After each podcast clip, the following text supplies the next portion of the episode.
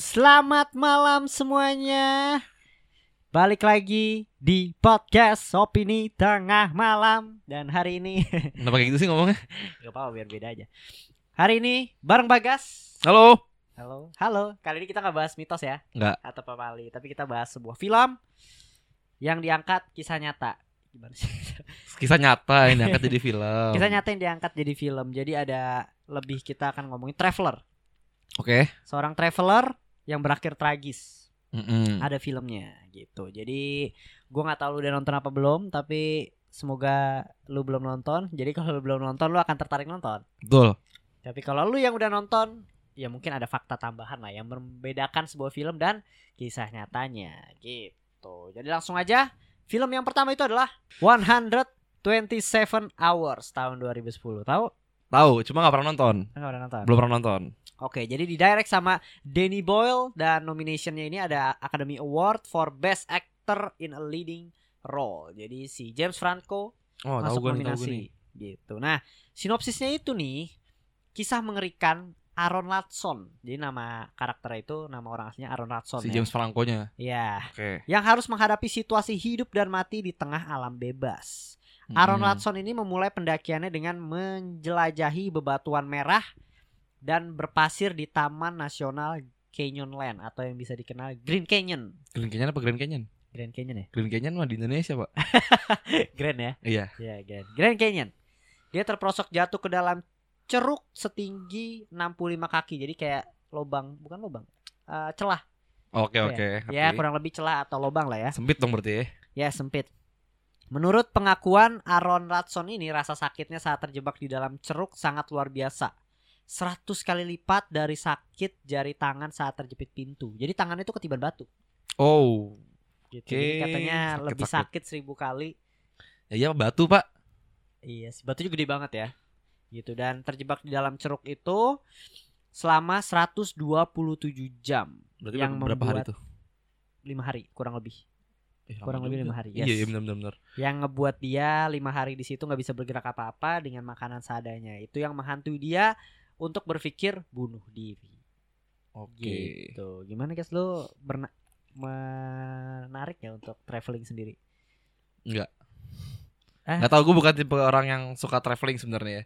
oke Apalagi kalau kayak traveling yang benar-benar jalan gitu. Hmm. Jadi kayak eh, prefer pakai kendaraan pribadi kalau mau traveling. oke tapi gue juga nggak gue bukan tipe orang yang traveling sendiri sih ibaratnya kayak paling mentok tuh nonton sendiri masih oke Oke. tapi kalau seandainya untuk traveling ya misalnya naik gunung sendiri tuh aduh Enggak sih. enggak ya kurang ya Enggak, enggak. Maksudnya emang bukan tipe gua tapi kalau lu pendengar ada yang traveling sendiri boleh lah share-share pengalamannya. Ada yang terjebak? Wih, lu nggak usah gitu dong. Kasihan. yang kedua itu adalah Into the Wild gitu. Mungkin kalian tahu nih Into the Wild. Lu kartun gue yang dua eh ada gak sih? Enggak tahu Ada cuy yang kayak yang kayak Madagaskar gitu. Enggak tahu gue. Nggak tapi kalau ini tuh kisah nyatanya dan mungkin kalian tahu nih kurang lebih yang bis yang diangkat dari Alaska belum berapa beberapa lama ya. Bisnya. bis Iya, jadi bis bis di- mobil. Iya bis mobil yang di Alaska itu ada bis mobil yang di tengah hutan gitu dan udah kosong. Nah itu pernah ditinggalin sama si kisah nyatanya nih pemerannya. Hmm. Bukan pemeran sih emang kisah nyatanya ya. Gitu dan dia belum lama di tahun ini kok akhirnya bis itu diangkat sama pemerintah gitu. Jadi itu suatu apa ya mungkin kenangan lah untuk si traveler ini dan kisah-kisahnya dia. Tapi dia sendiri juga tuh. Dia sendiri juga nih, ini lebih parah sih menurut gue kisahnya ya. Yang direct itu adalah Saint Pain dan storynya itu by John Crowcour. Nah ini castnya itu ada Emily Hirsch sama Kristen Stewart yang gue tahu ya. Hmm. Nah, dia ini di Alaska. Oke. Sinopsisnya lebih ke dia meninggalkan kekayaan hartanya. Dia orang yang kaya banget dan dia memutuskan untuk cabut dari kekayaannya. Dia meninggalkan semua hartanya. Dia pergi ke Alaska, hidup di alam bebas tanpa bawa apa-apa. Kenapa kayak gitu? Kita bahas nanti. Oke, kalau lebih gitu. Dan dia berakhir dengan kematian. Gitu. Aduh, oke, Cuma oke. ini sangat menginspirasi, sangat-sangat menginspirasi yang Into the Wild ini. Dan wa, eh, apa? 127 hours juga sangat menginspirasi sih gitu. Dan mungkin pasang kacamata konspirasinya, tetap open minded. Balik lagi di podcast opini tengah malam.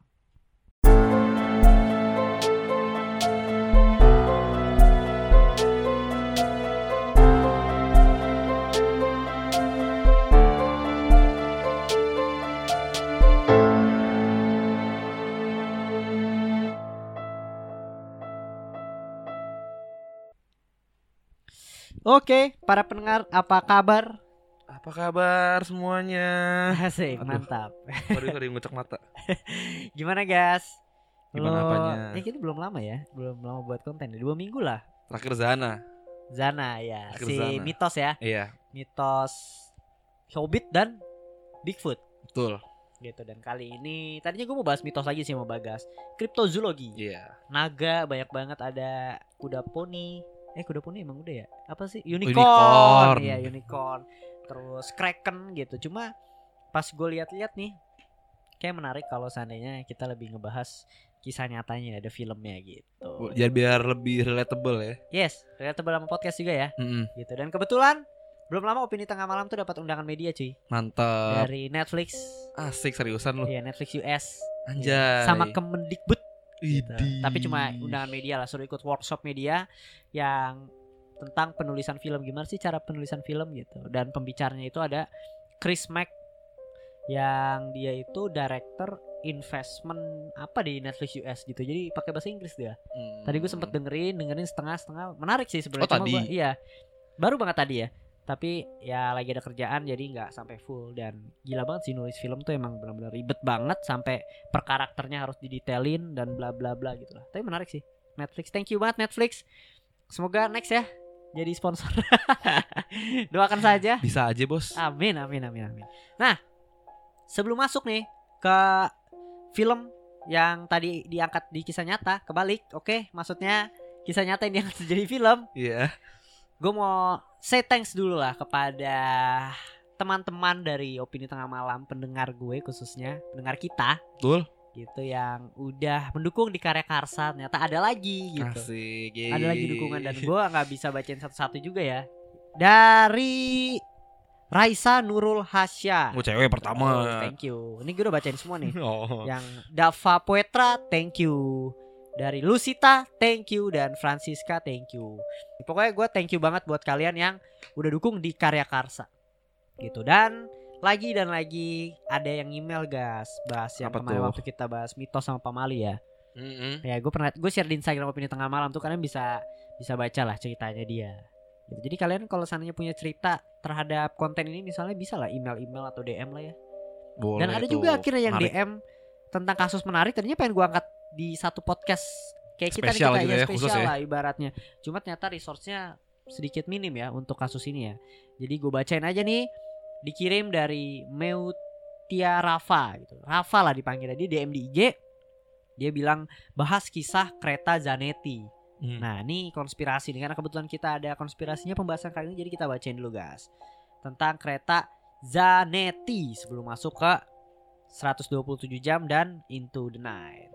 Nah jadi tuh baik banget nih cerita kereta hantu gitu. Salah satunya tuh kereta Z- kereta hantu Zanetti di Italia. Ah, oke oke. Bukan back Italia ya, Bukan. bukan eh.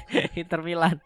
Jadi intinya dari 106 penumpang nih ada dua orang yang selamat selamat doang Oke. mereka selamat karena lompat dari kereta uh, si Zanetti Zanetti. ini gitu dan kini dua penumpang itu mengalami stres dan gangguan jiwa Mm-mm. Nah, Gitu. terus nih juga kereta itu katanya tuh ini sebelum si penumpang lompat ada kabut tadi di itu. oh ada kabut Mm-mm.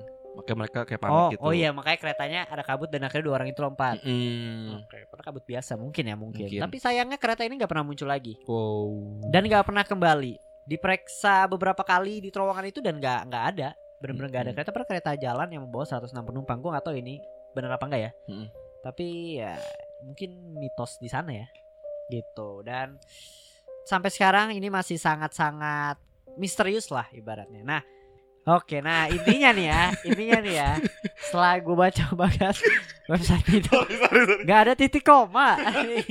Gak jelas sih ceri- ceritanya. Tapi menarik menarik. Thank you Rafa. Kita kita apresiasi. lah. Appreciate. Gue baru dengar suara ini juga. Iya Rafa. Maaf nih bukannya apa tapi emang websitenya kita nggak Iya, nyari iya. ya. Pokoknya intinya adalah kereta Zanetti yang membawa 106 penumpang pas ada kabut dua orang ini merasa takut. Masuk terowongan dulu. Iya, oh, masuk terowongan. dulu. Di terowongan ada kabut. Ada kabut. Dia lompat nih dua orang Lompat ini. dua orang. Dua orang ini lompat dan akhirnya kereta yang sisanya tuh nggak pernah ditemuin. Hmm. Dua orang ini menjadi gila.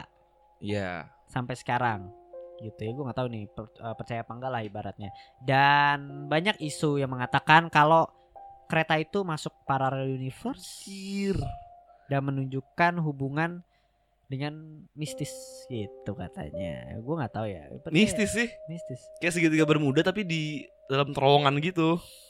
Iya gak sih? Eh, ya gue gua lebih percaya ini urban legend sih karena logiknya kurang lah. Maksud gue ya masuk terowongan harusnya keluar kan. Ya, Kalau untuk- segitiga untuk bermuda apa kan urban urban legend kayak gitu dibikin. Iya maksud gue kalau seandainya eh, segitiga bermuda kan dia nyelam jelas. Enggak maksudnya tujuan urban legend kan biar orang nggak Ya, buat ngelakuin hal itu. nakut-nakutin. gitu. Konspirasi banget tuh. Konspirasi banget tuh. Iya kurang lebih kayak gitu. Tapi lu gimana guys tanggapan lu terhadap ini? Kereta Zanetti. Hmm. Antara ngeri di keretanya atau ngeri di terowongannya. Oh jadinya kayak kelas Casablanca ya? Iya. Iya iya iya. bisa bisa jadi bisa jadi. Thank you Rafa dan mungkin kalian yang punya cerita menarik lagi bisa DM ya. Boleh tuh. Jadi Ya kita. usahakan websitenya ada titik koma. Tadi sedikit keselimpet-selimpet kita. Banyak Betul. dikat ini sebenarnya ya. Oke, thank you buat Rafa dan thank you buat yang dukung di Karya Karsa dan saatnya masuk ke segmen film serta konspirasi. Ding, ding, ding,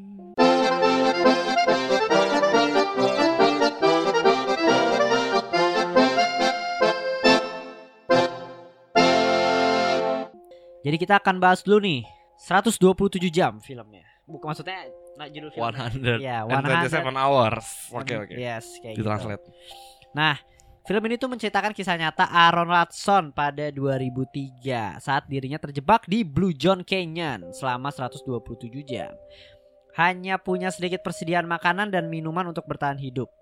Watson mungkin bisa dibilang sebagai sosok yang tidak pernah takut pada bahaya gitu. Jadi sebelum mengalami kecelakaan di Blue John Canyon, dia pernah selamat dari longsor salju saat mendaki. Laki fearless ya kan? Fearless dia. Nyawanya udah banyak nih kayak feeling gue. Dia nggak mati-mati kan. Dan setahun sebelum kecelakaan besar merenggut lengan tangannya, Aaron Watson adalah seorang teknisi di perusahaan terkemuka di dunia gitu. Hmm. Intel. Hmm, oke oke. Intel Terkenal lah, Insight. oke. terkenal lah ya. Dia memutuskan untuk keluar dari pekerjaannya dan bertekad mendaki ke semua gunung yang menjadi bagian Colorado Fortiners. Gunung-gunung di Colorado dengan ketinggian lebih dari 14.000 kaki sudah pernah dia daki. Gokil. Gitu. Jadi dia udah menganggap ini rumah kedua sebenarnya. Bang Aaron. Bang Aaron ini memulai pendakiannya dengan menjelajahi bebatuan merah dan berpasir di Grand Canyon. Perjalanan kali ini bukanlah yang pertama karena bagi Ralston ini udah jadi rumah kedua yang tadi gue bilang. Nah, peralatan yang dibawa Ralston tuh apa aja sih? Yang pertama itu ada ransel kecil berisi seliter air. Lu ingetin Oke. ya? Kalian ingetin pendengar. Lu ingetin guys? Ingat ingat gua. Ransel kecil berukuran seliter air, dua potong burrito, Hmm. Makanan. beberapa potong coklat, Hmm. Letterman murahan itu Letterman tuh apa ya? Pisau ya? Leaderman tuh. Leaderman apa nih? Gue juga lupa. Murahan. Ya gue gak tahu sih Leaderman. Mungkin pisau kali. Mungkin. Mungkin. Mungkin alat serbaguna kayak pisau, garpu. Oh, bisa lipat gitu kali. Ya pisau lipat gitu. Ada P3K, alat panjat tebing, kamera untuk merekam, pisau tumpul, dan sayangnya dia lupa bawa handphone. Bisa dia bawa handphone. Oh. Gitu. Jangan pernah lupa bawa handphone kalau keluar. Ya sekarang sih saya. Aduh, harusnya sih udah gak pernah lupa ini 2003 pak. iya sih Iya betul kan? sih. Nah perjalanan kali ini tak semulus biasanya Dia terperosok ke dalam ceruk setinggi 65 kaki Menurut pengakuan Aaron rasa sakitnya terjebak di curug itu Ketiban lengannya kayak kejepit pintu seribu kali lipat gitu Kayak lu kesandung kaki lu kesandung Ya, jempol, nyandung kaki. kaki. meja kan. Itu sakit banget kan Ini Sampai tangan Guling-gulingan ini tangan. Tiban lagi. Yes Nah terjebak di dalam ceruk itu selama 127 jam membuatnya dihantui kematian dan diam-diam pengen bunuh diri sebenarnya dia Hmm. Kondisi makin buruk dengan bekal logistik yang sudah habis. Oh oh. Suhu sudah di bawah 3 derajat Celcius. Oh oh. Gitu. Jadi dan parahnya lagi Rasul Kulkas. mengalami halusinasi cuy. Iyalah, Iya, udah sakit, dingin ya kan? dehidrasi, Dehidrasi. cuma 1 liter. Malam-malam terakhirnya dia melihat seorang anak laki-laki berusia 3 tahun sedang bermain. Sedang bermain dengan lengan kanannya aja serem banget Iya, nih. serem banget. Karena ketiban aneh. Iya kan halusinasi. Ih, Halusinasi. dia. serem banget. Menurut pengakuan Aaron, anak kecil itu adalah bayangan anaknya kelak. Gitu. Jadi oh, berarti lagi hamil istrinya. nggak tahu sih gue. Anaknya kelak kan. Ya, mungkin dia bayangan dia doang kayak dia mungkin pengen nikah atau gimana gue nggak tahu sih Oke. nah kalau di film ini guys si James Franco ini emang menurut, menurut gue filmnya sangat-sangat menarik. Filmnya sangat-sangat bagus malah. Lu digambarkan 127 jam itu di sana nggak nggak bisa ngapa-ngapain. Mm-mm. udah minum lu sempet tumpah anjing satu liter. Oh karena kan iya? cuma satu tangan. Ah, terus dia pasti re- rebahan gitu gak sih? Nggak re- awalnya biasa aja tapi tidur kan susah. Akhirnya dia pakai dengan tangan kirinya dia buat pakai pemanjat tebing Mm. disangkutin jadi tidurnya duduk Hmm. dia diakal-akalin lah dia Iya, kan iya, pakai iya. pakai alat pemanjat kan Gitu Yang deh. ketiban tuh tangan kanannya gini ibaratnya full sampai siku apa? sampai ini kayaknya deh cuma pergelangan doang jadi kalau pas dia motong itu tangannya di bawah sikut dikit di atas sikut dikit Hmm, oke oke oke oke. gitu jadi emang di film ini digambarkan sangat-sangat gimana gue juga nonton ngilu banget sih Nah itu gue malas nonton tuh waktu itu dapat rekomendasi buat nonton ini, Ah. cuma malas gitu kayak ih apa ya horor berani, trailer berani, cuma masalah yang bikin kayak lu ngilu gitu gue malas banget. Gak nonton. gilu-gilu banget lah sebenarnya. Di filmnya lagi nih guys, dia Mhm. tuh ngerekam kamera untuk kayak day one, day Oh, two, Oke oke. dan di di mungkin di hari keempat atau kelima dia udah kayak wasiat lah. Iya iya Siapa pun iya. yang nemuin rekaman ini, itu sebenarnya yang buat gua miris gitu. Nah, Ratson nih akhirnya mengeluarkan alat multifungsinya, Letterman murahan miliknya untuk mengiris tangannya. Duh tuh kan. Dalam kisah nyatanya dia membutuhkan waktu hampir satu jam memotong lengannya menggunakan pisau tumpul. Nah, ini sebenarnya menarik sih. Ini menarik banget karena uh, kalau di film itu digambarin pisau tumpul. Lu tau pisau tumpul kan? Yang Untuk kalau apa sih dibawa gituan? makan. Buat makan bisa tumpulnya Ati- tuh. Iya untuk makan misalnya motong-motong apa kan masih fine lah. Tapi iya kalau iya. dia nggak berpikir untuk motong tangan kan? Iya betul lah siapa yang mau juga. Pisau tumpul itu yang bener-bener kalau seandainya gue gue giniin ke tangan lu belum tentu baret. Jadi harus lu teken banget baru lu gini gesek-gesek tuh baru Hmm. berdarah. Oh iya ngerti gue pisau biasa, biasa buat roti gitu gak sih? Iya, pisau buat roti Iya, iya, iya. gitu-gitu. Nah, karena kan dia buat burrito juga kan. Itu Mm-mm. buat potong burritonya. Nah, dia tuh cuma pakai pisau tumpul. Kalau di filmnya tuh diasah dulu tuh sama Gianfranco di di batu-batu cuma nggak sampai tajam-tajam banget sih. Nah, mungkin gue sedikit ceritain nih ya. Mm-mm. Eh dia motong tangannya, Mm-mm. bener-bener digeres geres geres geres. Di film itu bener-bener gila banget.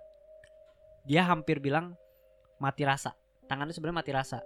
Karena udah udah darah kan udah ngumpul semua kan. Iya. Jadi pas dipotong dan dia pas udah nyampe urat Mm-mm. itu ya rasa sakitnya. Karena urat tuh pas dia potong, teng langsung ke kuping, teng Iyalah. langsung gitu. Jadi pas diurat Ah. dan Ah. parahnya lagi, pisau tumpul nggak bisa matahin Tulang. tulang dan Itu dia harus apa? pikirin. Meremukan tulangnya sendiri, jadi digoyang-goyangin di krak krak krak krak krak gitu sambil dipotong. Gila, maksud gua karena pilihannya dua, lu kehilangan tangan atau kehilangan nyawa lu. Aduh gak tau gue kalau itu kayak mending mati dah kayaknya Sumpah. narik-narik ya, lu coba tarik sampai putus ya. Yang kesan udah gak bisa juga ya. Iya juga ya ngapain ya gue ya? Ya lu mati kelaparan lah. Ngapain coba? Bunuh diri sih kalau gue. Pisau tumpul ya. Pakai pisau tumpul lebih parah lu bunuh diri pakai pisau tumpul. Iya juga ya. Belum tentu mati juga ya. Belum tuh mati lu pakai pisau tumpul. Nah, jadi ini katanya si Rasom nih mengaku merasakan dua hal secara bersamaan ketika memut- memutuskan tangannya. Rasa sakit terus menyiksanya dan di sisi lain amarahnya mendorong untuk segera mengakhiri penderitaan dan kembali pulang. Jadi ada dua ya. Rasa sakit sakit banget, tapi dia masih ada rasa pengen pulang ke rumah. Jadi itu yang ngebuat dia pengen survive. Yang tadi gue bilang dia matahin tulangnya dulu, digesek-gesek tulangnya sampai patah, dipotong pakai pisau tumpul. Anjing pisau tumpul. Gue nggak bisa kebayang terus sakitnya gimana. Nah, dalam kisah nyata ini Ratson memakan waktu kurang lebih 10 jam untuk mendapatkan pertolongan dari para medis. Dia bisa aja mati karena kehabisan darah, namun dengan peralatan pendakiannya dia bisa meloloskan diri dari tebing setinggi 65 kaki. Jadi abis dia memotongnya dengan dengan kelemasan tubuhnya dia masih bisa survive, masih manjat ya, manjat keluar Iya. ya. Iya. Anjir. Dan saat itu dia ditemukan oleh tiga turis Belanda yang sedang dalam liburannya. Turis tersebut memberinya air mineral dan membantunya sebelum akhirnya helikopter penyelamat datang untuk menyelamatkan dia. Nah, akhirnya setelah kejadian itu dia berubah menjadi orang yang cinta keluarga dan dekat dengan Tuhan. Katanya dia juga eh, tanpa Tuhan dia nggak bisa selamat lah ibaratnya. Iyalah. Yang nentuin dia soalnya. Iya, mantap ya kuatnya si Arnold sana. Gimana, Gas? Jadi pengen Untuk- nonton sebenarnya sih, Ah. cuma mungkin gak pakai headset nontonnya sih kayak nontonnya di TV deh gitu. Tapi jujur, gue waktu nonton bagian itu volume bener-bener gue kecilin. Ngilu banget ya. Karena si James Franco-nya ini matahin tulang ke kiri kanan, itu bunyinya tuh bener-bener kertak kertak kertak itu udah bikin gue ngilu kan. Hmm. Yang kedua pas pisau tumpulnya dipotong ke darahnya ini, darahnya tuh udah hitam. Dia udah mati rasa. Dia udah mati rasa tuh udah sangat-sangat mati rasa. Tapi pas di bagian urat, jadi pas uratnya disentuh dia kan ting gitu kan. Hmm, Ting, iya, dia iya. kayak ngilu. Iya. Pas uratnya disentuh ini ngilu, sama dia ditusuk pakai pisau tumpul ditarik uratnya gitu jadi baru tenget sampai ke kuping gitu loh. Gila gue langsung kayak anjing bangsat gitu. Pas uratnya udah itu langsung dia gini kersak kersak kersak kersok Ih. kersak kersok. Itu dia gerakin tangannya ngaduin ke batu gitu. Dia Iya. duduk batu gitu. Ya kan tangannya kejepit nih ibaratnya jadi Heeh. kayak geser kiri kanan geser kiri sama pakai pakai tangan kirinya buat ngancurin juga dipak ceprak gitu. Oh. Tulang lo kan lu bayangin lu ngancurin tulang lu sendiri. Ada gak sih Netflix? Hah? Ada gak sih Netflix? Aduh di Netflix tahu gue kemarin itu belum. Setahu gue ya kalau one eh Bonhan. Iya 127 hours itu dulu ada, tapi sekarang tuh gue lupa di mana. Mungkin kalian bisa coba nonton atau cari deh kalau kalian tahu di platform streaming mana ya. Mm-mm. Kalau Into the Wi- Wild itu ada di Mola, Oke, mola. ada di Mola TV gitu. Jadi tertarik nonton? Tertarik buat kalian yang ada link buat nontonnya boleh dibagikan. Iya, tapi Biar yang saya nonton legal juga. ya. Iya betul sekali tentunya. Kita mendukung yang legal-legal. Kok Anda tadi bilangnya link sih? Ya kan itu berpaling. Netflix iya. juga ada linknya dong. Nggak salah dong. Iya, nggak salah ya. Sebenarnya hampir miss sih. Jadi gitu guys. Oke. Gua pengen nanya sih, kalau lu di kondisi sana, apa yang akan lu lakukan lah ibaratnya? Dengan semua peralatan yang ada, Mm-mm. makan burrito sih udah pasti sampai habis ya. Abis. Minum juga habis lah ya. Abis. Cuma jangan sampai tumpah kalau gua di situ. Ya lu pakai tangan kiri doang. Ya bisa. Iya, lu Kan seliter doang. Seliter tuh kan kayak apa sih yang segede gini kan aqua botol segede Iya. gitu kan. Masih bisa satu tangan doang. Iya lu pipis, lu pup ibaratnya Oh iya juga ya, gua gak kepikiran abis itu. Iyalah, Pipis sama pupnya gimana? empat hari lu di sana. Anjir. Udah bau banget itu. Udah kayak wah gila sih. Udah bodo amat sih. Tapi ya. udah bodo amat sih yang kamera lu ada kamera juga. yang ada di pikiran lu sekarang tuh cuma itu doang kayak gue mendingan mati atau mendingan gue jadi sekalian atau gue nyoba buat kabur gitu. Iya. Buat, buat kabur juga sebenarnya posibilitasnya sangat kecil kan dengan Betul. kondisi tubuh lo yang kayak gitu. Cuma Mm-mm. tetap kalau bisa bertahan hidup bertahan hidup lah ibaratnya ya. gitu. Nah lanjut nih kayak Into the Wild gitu. Tahun 2007 ini filmnya nih. Hmm. Nah ini menarik banget ya. Nah jadi secara detailnya film ini tuh menceritakan seorang pemuda dari keluarga kaya yang memilih bertualang di hidup bebas alam bebas Alaska. Namanya itu adalah Christopher McCandless. Memilih menjauh dari hingar-bingar kehidupan yang bisa dibilang sudah nyaman atau bisa dibilang udah aduh kaya banget lah lu mau ngapain lewat sih? tajir ya. lewat tajir coy gitu kan Eh bagus dia mau keluar dari zona nyaman. Wah lo harus tahu nih jadi si McCandless ini adalah seorang pria kelahiran El Segundo, California pada tanggal 12 Februari 9 eh 1968 dan merupakan anak pertama dari dua bersaudara. Dia menjadi lulusan terbaik di Emory College dan telah mendapatkan tawaran untuk melanjutkan kuliahnya di Harvard jurusan hukum.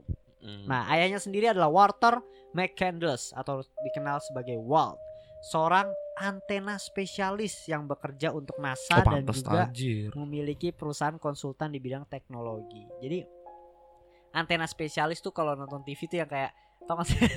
Antena kalau ditaruh di meja jelek Ah, iya iya iya dia iya. pegang-pegang. Gue yang gue yakin yang kabelnya penting di kan. Bro. Enggak ya kayak gitu ya. Dan ibunya bernama Wilhelmina Johnson atau dikenal Billy. Bekerja sebagai konsultan sukses di tempat tinggal mereka. Dari kedua orang tuanya McCandless mendapatkan semua fasilitas yang dibutuhkan dan memiliki hidup yang bisa dibilang mapan abis jadi ya NASA punya sih Iya. udah pasti kaya.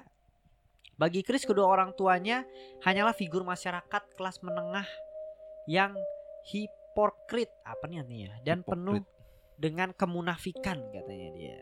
Faktanya sang ayah justru sering melakukan kekerasan pada sang ibu kondisi ini merasa dibohongi kata dia nih. Akhirnya si McCandless ini termotivasi untuk melakukan sebuah perjalanan atau petualangannya sendiri. Dia juga sempat mengutip perkataan Teuru yang berbunyi rather than love than money, than faith, than fame, than fairness, give me truth.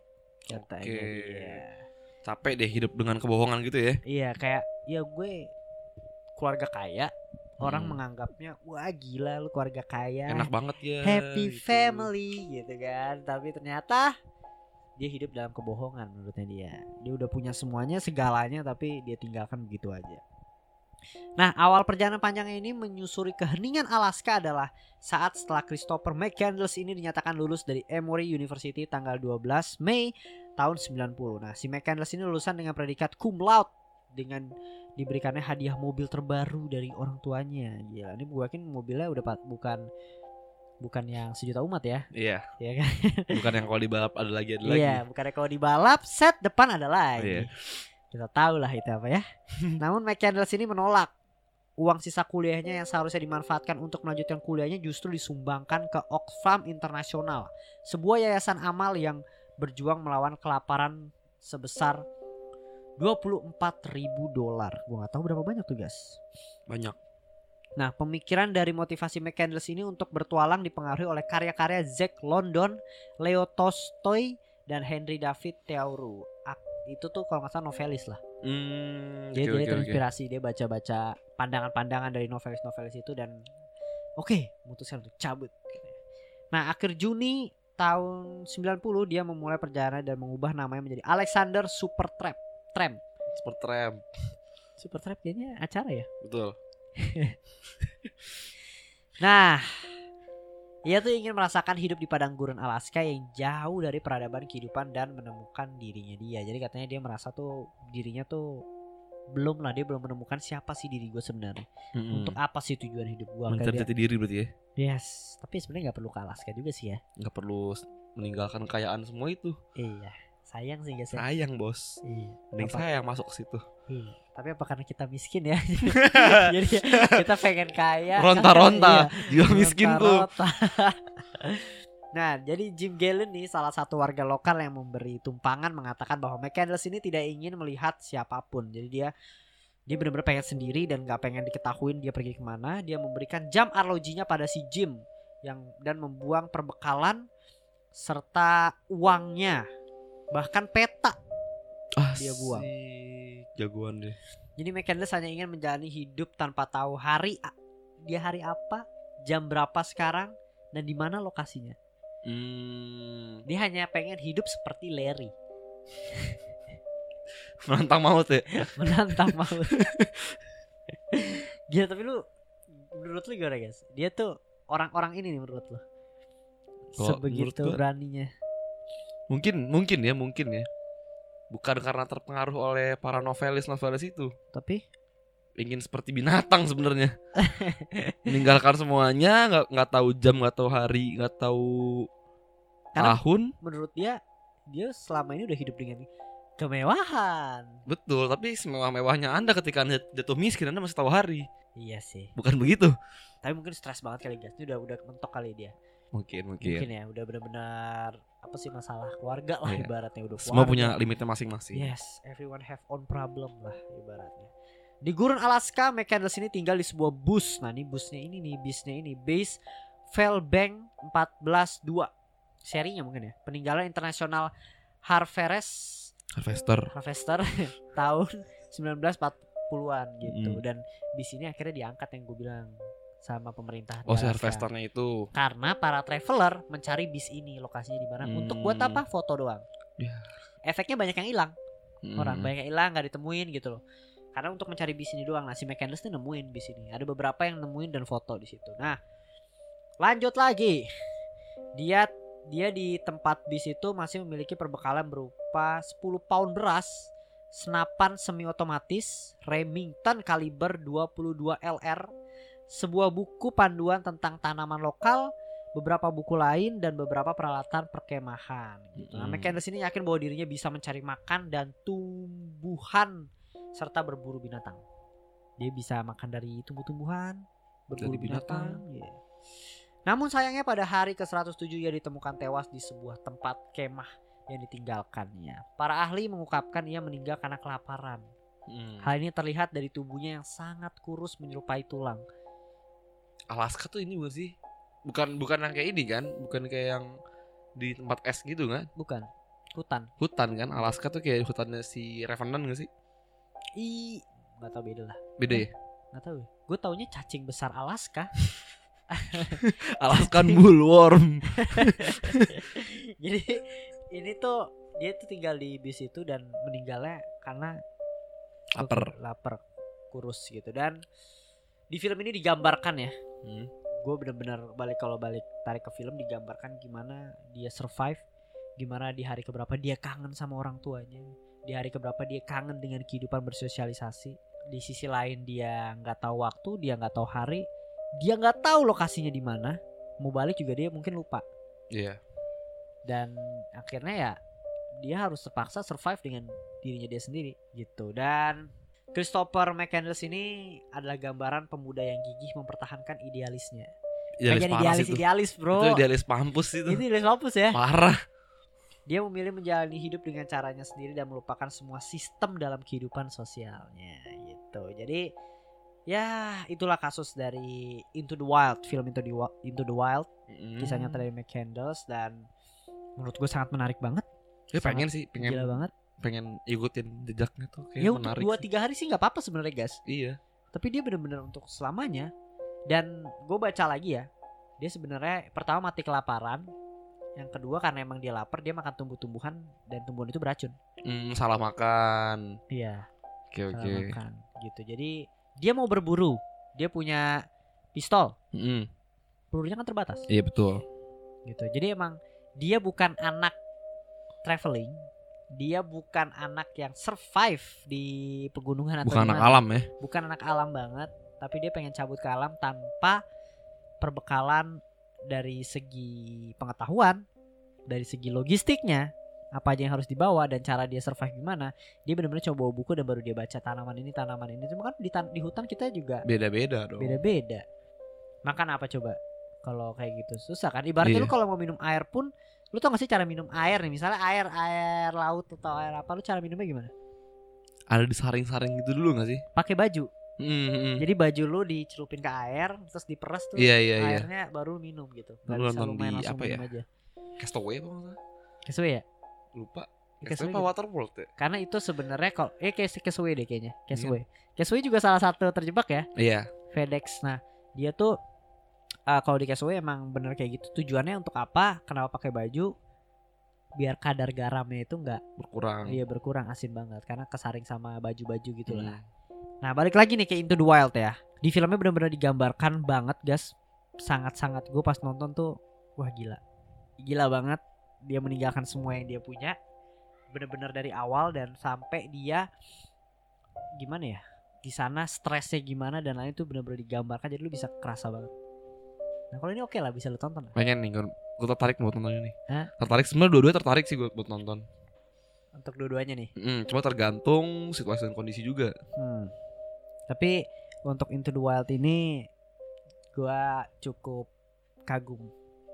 Sangat idealis mampus ya gue idealis Iya. tapi ujungnya balik lagi realistis. Iya gak sih? iya. Soalnya idealis lu nggak nggak nggak pengen keluar ke hutan gitu kalau lu iya sih. idealisnya. Tapi dia bener-bener keluar zona nyaman banget, Pak. Mm-mm. Zona nyaman, zona aman bener-bener cabut ke hutan. Bodoh amat. Yang penting gue mau nemuin jati diri gue. Nah, itu kurang lebih lah kedua cerita dua Iya. traveler ya. Bisa gue bilang traveler lah itu. Traveler. yang secara kehendak tragis dia.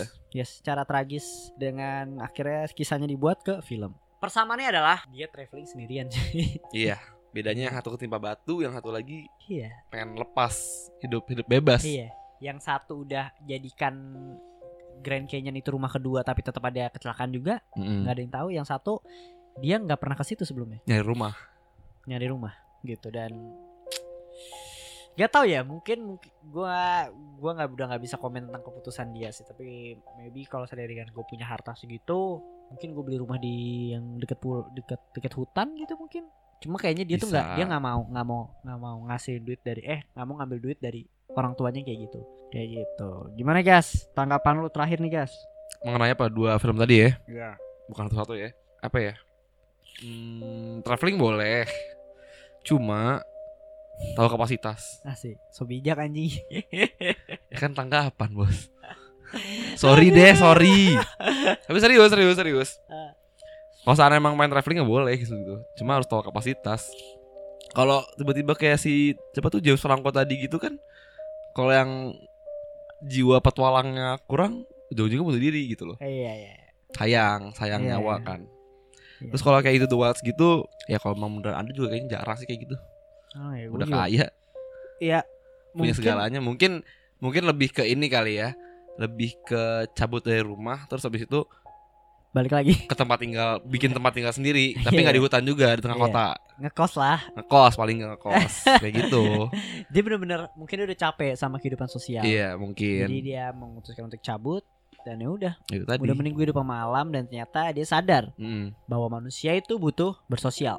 Dia hidup dari bersosial dan dia tiba-tiba mencabut untuk nggak bersosial itu sulit banget. Sulit dan berat. Dan mungkin segitu aja sih untuk podcast tentang episode Traveler ini ya. betul Gitu. Dan mungkin kalian bisa komen-komen lah terkait konspirasi apa lagi nih Mm. yang bisa kita bahas. Mitos lah khususnya yang mau bagas. Pemali mitos gitu. Dan untuk yang segmen ini film nonton guys. ya? nonton nonton nonton habis ini nonton gue ini nyala TV udah nih Nyala ya. nyala udah Mantap. Tapi by the way gue mau nanya, lu Netflix abis ngikutin apa? Lagi ngikutin apa? Attack on Titan gua. Alah, wibu. Enggak bercanda guys. parah gue nggak gue nggak ikutan ya gue cuma ngomong gue cuma ngomong karena berdasarkan nggak, bentar lagi keluar kan season barunya kan Masalahnya gue juga wibu guys gitu. season barunya bentar lagi pak masalahnya pak gue kalau nggak ikutin dari sekarang nih ntar gue nggak bisa diterima di pergaulan gue kalau Yes, ikutin Karena gue udah ngikutin Attack on Titan, gue sampai baca manganya, gitu. Gue nonton Haikyuu, Gua nggak nonton nonton My Hero Academia lah. gue nonton kakek guru ini nonton nggak lu Gak gue. Tokyo Ghoul Tokyo Ghoul gue tahu doang tapi gue belum nyoba nonton sih. gue juga nggak pernah nonton Iya, pokoknya intinya gue salah satu pencinta anim juga sebenarnya. Panggil gue Whips asik. ya kayak gitulah untuk Into the Wild dan 127 jam Iya tahun 2010 dan tahun 2007 wajib banget kalian tonton mungkin kalau kalian punya rekomendasi film yang kisah-kisah tragis ya itu Iya. wah, menarik banget buat opini tengah malam bahas atau buat yang udah pernah nonton juga boleh tuh di apa kasih tanggapan tanggapannya gitu loh iyalah pastilah Mm. fakta-fakta menariknya kan beda beda opini Yes, betul banget. Oke. Jadi, sampai jumpa di episode berikutnya. Selamat malam. Bye. malam